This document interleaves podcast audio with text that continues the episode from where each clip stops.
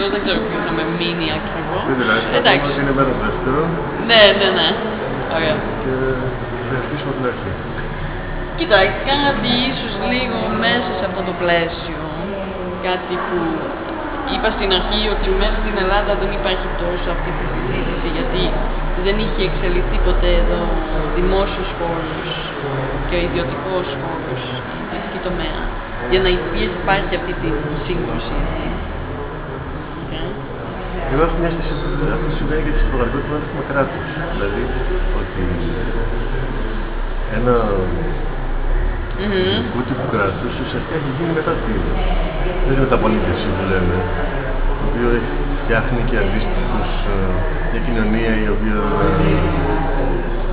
να έχει να έχει τους σωστούς, τους πλούσιους, το ένα το άλλο, που, που να έχουν σχέση μια δημοκρατία, που να, οι οποίοι να θέλουν να, να, να αγοράσουν έργα, να φτιάξουν σπίτια, να, Ναι.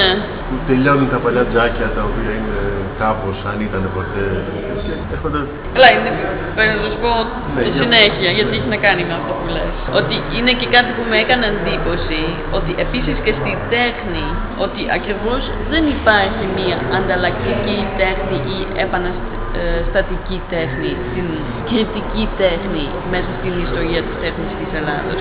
Εγώ την έχω σπουδάσει όλη, γιατί ήθελα να δω που είναι τα προβλήματα της τέχνης, της ελληνικής τέχνης σε εκφράση, έκφραση σήμερα. ναι, Και όπως τη σπούδασα, ας πούμε, βρήκα όλη, ότι, όλη η τέχνη, πρώτα απ' όλα βέβαια, εκτός από το ότι οι Έλληνες καλλιτέχνες πιο πολύ πήγαν έξω και πιο πολύ πήγαν σε ένα ακαδα- ακαδημαϊκό περιβάλλον του Μόναχου ή του... Εντάξει, λίγο το Παρίσι, το Παρίσι δεν ήταν και τόσο ακαδημαϊκό. Και δημιουργούσαν μια τέχνη που ήταν, ε, ας το πούμε λίγο μπουρζουά, ας πούμε, ωραία κτλ.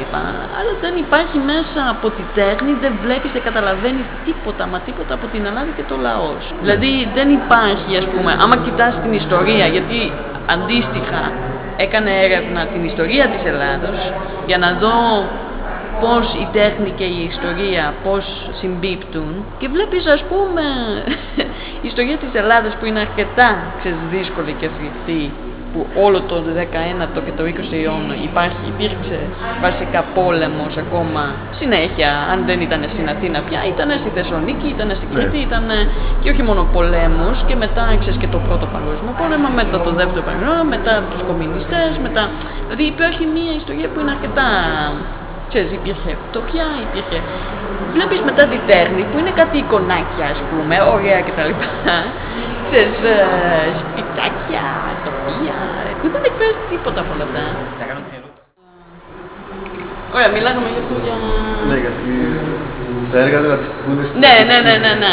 πολεμική Που κατάσταση. καταλαβαίνεις πάλι μια ανατροπία που... Αυτό λέω. Ε, Ναι. ακόμα και σήμερα, ας πούμε, συνεχίζεται. Νομίζω. Ίσως τώρα λίγο λίγο αλλάζει, επειδή και η- έχει α- ανοίξει και πάρα πολύ η Ελλάδα. Βρίσκεται σε ένα τόπο επίσης γεωγραφικά που είναι αρκετά δύσκολο αυτή τη στιγμή, ενώ με την Αλβανία, με, με τα Βαλκάνια γενικά, με το... Και, ξέρεις, υπάρχουν επιρροές νομίζω από αυτές τις χώρες που γίνεται μια μεγάλη συζήτηση κριτική αυτή τη στιγμή. Λόγω ότι η τέχνης σε εκεί βέβαια πρέπει να ψάξει μια καινούρια θέση εκτός από το, το κρατικό, το κομμουνιστικό. Δηλαδή βλέπεις την, ε, την τέχνη να γίνεται, να πλησιάζει στην ελληνική πραγματικότητα ή την ελληνική πραγματικότητα να πλησιάζει στην ευρωπαϊκή πραγματικότητα, άρα στην ε, ευρωπαϊκού τύπου τέχνη που υπάρχει γενικά; Και αυτό που λες σε- προς την ευρωπαϊκή πραγματικότητα, σίγουρα. Γιατί βλέπεις, ας πούμε, ότι πολλοί σπο- καλλιτέχνες, ας πούμε, σπουδάζουν να πιέσουν στο Λονδίνο. Το Λονδίνο είναι, ας πούμε, το κέντρο αυτής της αγοράς που Και η ελληνική συζητάγαμε. κοινωνία μοιάζει με το Λονδίνο σιγά σιγά. Άρα Ναι, λοιπόν θα δέσει. δηλαδή κάτι υπάρχει από την- μια ανταλλαγή, ναι, ακριβώς αυτό. Αλλά ίσως και λόγω αυτό θα υπάρξει επίσης μια αντίσταση και μια, για πρώτη φορά μια ανταλλακτική, ένα ανταλλακτικό κύμα. Ίσως. Δεν ξέρω αν θα υπάρξει, αυτή τη στιγμή δεν υπάρχει ακόμα στην Ελλάδα. Νομίζω. Ούτε βλέπεις μια, εδώ πέρα να γίνει μια τέχνη, πώς το πούμε, καλοκαιρινή ας πούμε. Θέλω να πω δηλαδή ότι η Ελλάδα σιγά σιγά θα γίνει αυτό που διακοπών Ναι, ναι, ναι, ναι. Αλλά αυτό είναι όλο μέρος λίγο της του παιχνιδιού. του παιχνιδιού, μάλλον. Καλά, Τώρα αυτό που συζητάμε, υπάρχουν βέβαια άλλα επίπεδα στη τέχνη που δεν τα έχουμε, ζη- τα έχουμε συζητήσει τώρα. Γιατί εντάξει, υπάρχουν ας πούμε και τοπικές αγορές. Που δεν έχουμε, αυτό που έχουμε συζητήσει τώρα, έως τώρα, είναι η τέχνη που είναι κάπως κυκλοφορεί διεθνές, που κυκλοφορεί μέσα από μουσείο κτλ. Μετά υπάρχουν βέβαια άλλα επίπεδα τέχνης που κυκλοφορούν και το τοπικά, που είναι αυτά που είναι ας πούμε, που είναι πίνακες που ο κόσμος αλλογάζει απλώς όντως για, για σκέτο διακοσμητικούς λόγους. Αυτό δεν θα αλλάξει. Όχι, αλλά εντάξει, απλώς εγώ δεν συζητάω αυτή την αγορά, γιατί Ναι. αυτή η αγορά υπάρχει και ας υπάρχει, απλώς δεν νομίζω ότι εκεί ούτε προσφέρεται, ξέρεις, σαν διάλογος, ούτε έχει αυτό το σκοπό, αυτό θέλω να πω. Δεν έχει αυτό το στόχο, ξέρεις. Ναι. Έχει το στόχο που έχει, που εντάξει, δεν πέφτει μέσα στη συζήτηση που κάνω, καταλαβες. Αυτό και ίσως αυτό που λες, δεν ξέρω, η τέχνη καλοκαιρινή ίσως πάει πιο πολύ σε αυτή την αγορά. Α, Νομίζω, δεν ξέρω. Εσύ με το τι, τι εννοείς με το καλοκαιρινό; ε, Παραδείγματος χάρη, τα τελευταία χρόνια ας πούμε, βλέπουμε ότι ανοίγουν πάρα πολλές γκαλερί το καλοκαίρι. Ναι, ναι, ναι, ναι. Αλλά αυτό, Τα ναι. οποία όμως γίνεται με έργα. Δεν, πέρα από ότι υπήρχαν τέτοιες γκαλερί, υπήρχαν ήδη. Ναι, ναι, Αλλά ναι. τώρα ανοίγουν μερικές γκαλερί με έργα ε, καλλιτεχνών που το χειμώνα εκθέτουν στην Αθήνα. Τέτοιου είδους καλλιτέχνες. Ναι, ναι, ναι. Ξαφνικά θεωρούν ότι αν μπορείς να ανοίξεις μια γκαλερί στην Πάρο, μια γκαλερί στα Χανιά, που είναι ανοιχτό καλοκαίρι, που πια είναι για ανθρώπους που δεν είναι Έλληνες.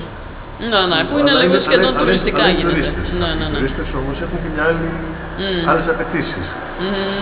Ναι, και όχι και πάντα. Ναι. Ναι, δηλαδή, στο- Γι' αυτό σου λέω, ναι, ανήκει πιο πολύ σε αυτή την αγορά που είναι σε μια τοπική αγορά, ας πούμε, ξέρεις, που δεν ούτε την, την θεωρώ μέρος της συζήτησης, ας πούμε, ξέρεις. Μια τέτοια αγορά υπάρχει, υπήρξε πάντα και θα υπάρξει πάντα και για μένα είναι σαν ένα άλλο κύκλωμα εντελώς, που δεν ασχολούμαι ιδιαίτερα. Απ' την άλλη όμως τη δικιά σου τη θέση. Ε, θέλω να κάνεις μια ε, εναλλακτική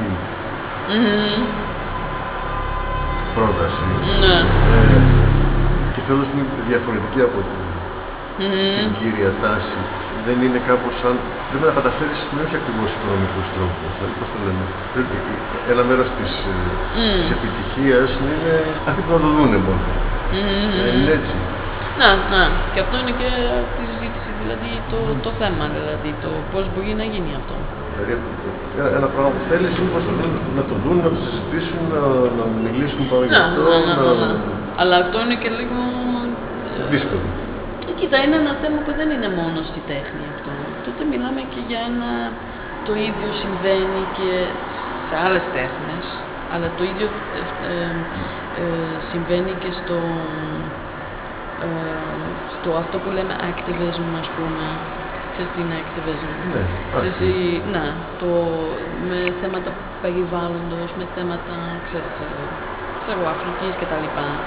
Ότι υπάρχει ένας κόσμος που κάπως θέλει να, πώς να το πω, να, να μπορεί να δημιουργήσει πράγματα που μπορούν να λειτουργούν εκτός οικονομίας, ξέρεις, την οικονομία όπως τη ξέρουμε τώρα πια. Ξέρεις, που σημαίνει ε, μεγάλα κινήματα κεφαλαίων κτλ. Για το- Ότι υπάρχει, πρέπει να υπάρχει μια δυνατότητα να υπάρχουν και άλλες οικονομίες που αφήνουν όντως την ελευθερία, ξέρεις, να... Ναι, το χρήμα απλώς να είναι κανένα χρήμα για να ανταλλάσσουν πράγματα και όχι το χρήμα, Ναι, το, χρήμα- το, ακριβώς. το χρήμα για το χρήμα που αυτή τη Ναι. στιγμή οι μεγάλες... ε, Αυτό. Ναι. Το πώς θα γίνει αυτό δεν είναι μόνο μες στη τέχνη μια συζήτηση, αυτό είναι μια ξέρεις, πιο μεγάλο. Ναι. Απ' ε, Απ' την άλλη όμως κανείς κάνει τέχνη η οποία εκφράζει την κοινωνία που, που τον αναλογεί από τη μια και την κοινωνία που φαντάζεται από την άλλη, που θα ήθελε να είναι μέσα. Ε, κοίτα, νομίζω άμα... Όχι, νομίζω ότι να... άμα θες να κάνεις ένα avant-garde, όταν θες να αλλάξεις πράγματα, τότε θα κάνεις αυτή την κοινωνία που το φαντάζεσαι. Καταλαβες, θα κάνεις, θα είσαι... Πρέπει να είσαι όμως κάτι τέτοιο ήδη. Να, δηλαδή ε, θα το κάνεις αναγκαστικά. Όταν το νιώθεις έτσι, θα το κάνεις αναγκαστικά. Δεν μπορείς να το κάνεις εσύ. Δεν μπορείς το, το, το πρωί να δουλεύεις στο χρηματιστήριο και το βράδυ να ζωγραφίζεις avant-garde. Ναι, δύσκολα. Θα μου πεις ότι είναι και τρόπος ζωής. Αυτό. Όχι, δεν γίνεται. Δηλαδή, πώς θα δούμε. Γίνεται, αλλά αυτό σημαίνει ότι ούτε ο Κάφκα θα μπορούσε ας πούμε, την ημέρα να είναι δημόσιος υπάλληλος και να μην λέει τίποτα στους συνάδελφους και να πάει το βράδυ σπίτι και να γράφει βιβλία αυτά που έγραψε. Και όμως το έκανε. Ε, ο δημόσιος υπάλληλος δεν είναι. Όχι, δεν είναι. Ε, δημόσιος υπάλληλος ήταν ένας εκπρόσωπος του κράτους τον εναντίον έγραψε. Δεν νομίζω ότι έκανε πολιτική όμως. Δεν έκανα πολιτική, αλλά μόνο και μόνο που ξέρεις. Κατάλαβε. Δηλαδή, ναι, από τη μία έχεις δίκιο. Αυτό λες αυτό που έκανε, για, για αυτά μίλησε, για αυτό το οποίο ζούσε μίλησε. Ναι, ε, αλλά θέλω να πω κάπω. Ναι, αλλά δεν το έκανα δημόσια όμως. Ναι, και νομίζω ότι ήθελε να κάψει και τα έργα του. Ε; Ήθελε να κάψει τα έργα του. Ο ίδιος; Mm. Θέλω να πω, ναι, έχεις δίκιο. Δηλαδή, είναι opportunistic, ξέρεις το πρωί να δουλεύει στο γυμνασίο και το βράδυ να είσαι ένα παρανάστη. Ίσως, ναι, εντάξει, δύσκολο το, το θέμα μπορείς να... Ας πούμε, ξέρω έναν καλλιτέχνη που είναι... δουλεύει σε οικοδομία την ημέρα. Και δουλεύει σε οικοδομία ακριβώς αυτό, για να μην έχει αυτό το ξέρεις, ζήτημα το τι κάνει την ημέρα και μετά το τι κάνει. Γιατί μέσα στην οικοδομία, εντάξει, ποιος ασχολείται τώρα, ξέρεις. Ε, και ας έχει επαναστικές ιδέες, δεν υπάρχει κανείς, για να, για να τις, ξέρεις, όχι μόνο αυτό, είναι και είναι και ξέρεις, ε, ήσυχος και μπορεί να σκεφτεί, καταλαβες. Ή όπως ο ανιψιός μου, ας πούμε, που ήθελα μόνο να παίξει πιάνο και να διαβάζει και που έγινε οδηγός ε, του τραμ, παρόλο που ήταν πολύ έξυπνο παιδί και τα βλά, έγινε οδηγός του τραμ για να μην χρειάζεται να κάνει compromise, όπως λέμε, ξέρεις, μέσα στη τέχνη του κτλ. Και, και να κάνει δουλειά, εργασία που ούτε, ας πούμε, χρειάζεται να κάνει πάρα πολύ, ξέρεις, να υπάρχει μια μεγάλη μάχη, ας πούμε, στον. Κατάλαβε, ναι, υπάρχουν τέτοιες επιλογές επίσης. Που είναι ίσως λίγο σαν τον δημόσιο υπάλληλο, ο Κάφκας που ήταν δημόσιος υπάλληλο. Ναι. Που είπε, έπαιρνε μια δουλειά που. Δεν, το έχω σκεφτεί έτσι. Α, ναι. ναι. Και εγώ δεν κάνω τίποτα άλλο. Mm-hmm. Δεν το έχω σκεφτείς σαν. ότι δεν συμβιβάζομαι. Mm-hmm. Και όταν θα σκεφτεί, δεν θα έρχεται. Ε, ναι. Καλά, εσύ κάνεις μια δουλειά που κάνεις τη δουλειά αυτά με τα βιβλία. Ναι, αλλά είμαι σαν ελεύθερος επαγγελματίας. Δεν είναι. Ναι, εντάξει και αυτό είναι. Ναι, αλλά ούτε εκεί υπάρχει μια δεν υπάρχει, σύγκριση με τη δουλειά σου και ναι. το... αυτό που κάνεις, ας πούμε. Αν μου δεν αρέσει μια δουλειά, λέω δεν μπορώ, δεν έχω χρόνο. Ε, αν; αν δεν μου αρέσει μια δουλειά, λέω μπορώ να πω, δεν προλαβαίνω. Ε, είναι ναι, ναι, ναι. Δεν χρειάζεται να πω δεν την κάνω επειδή δεν μ' αρέσει, μπορώ να κάνω, μπορώ, δεν την κάνω επειδή δεν προλαβαίνω να την κάνω, επειδή έχω άλλες δουλειές. Mm-hmm.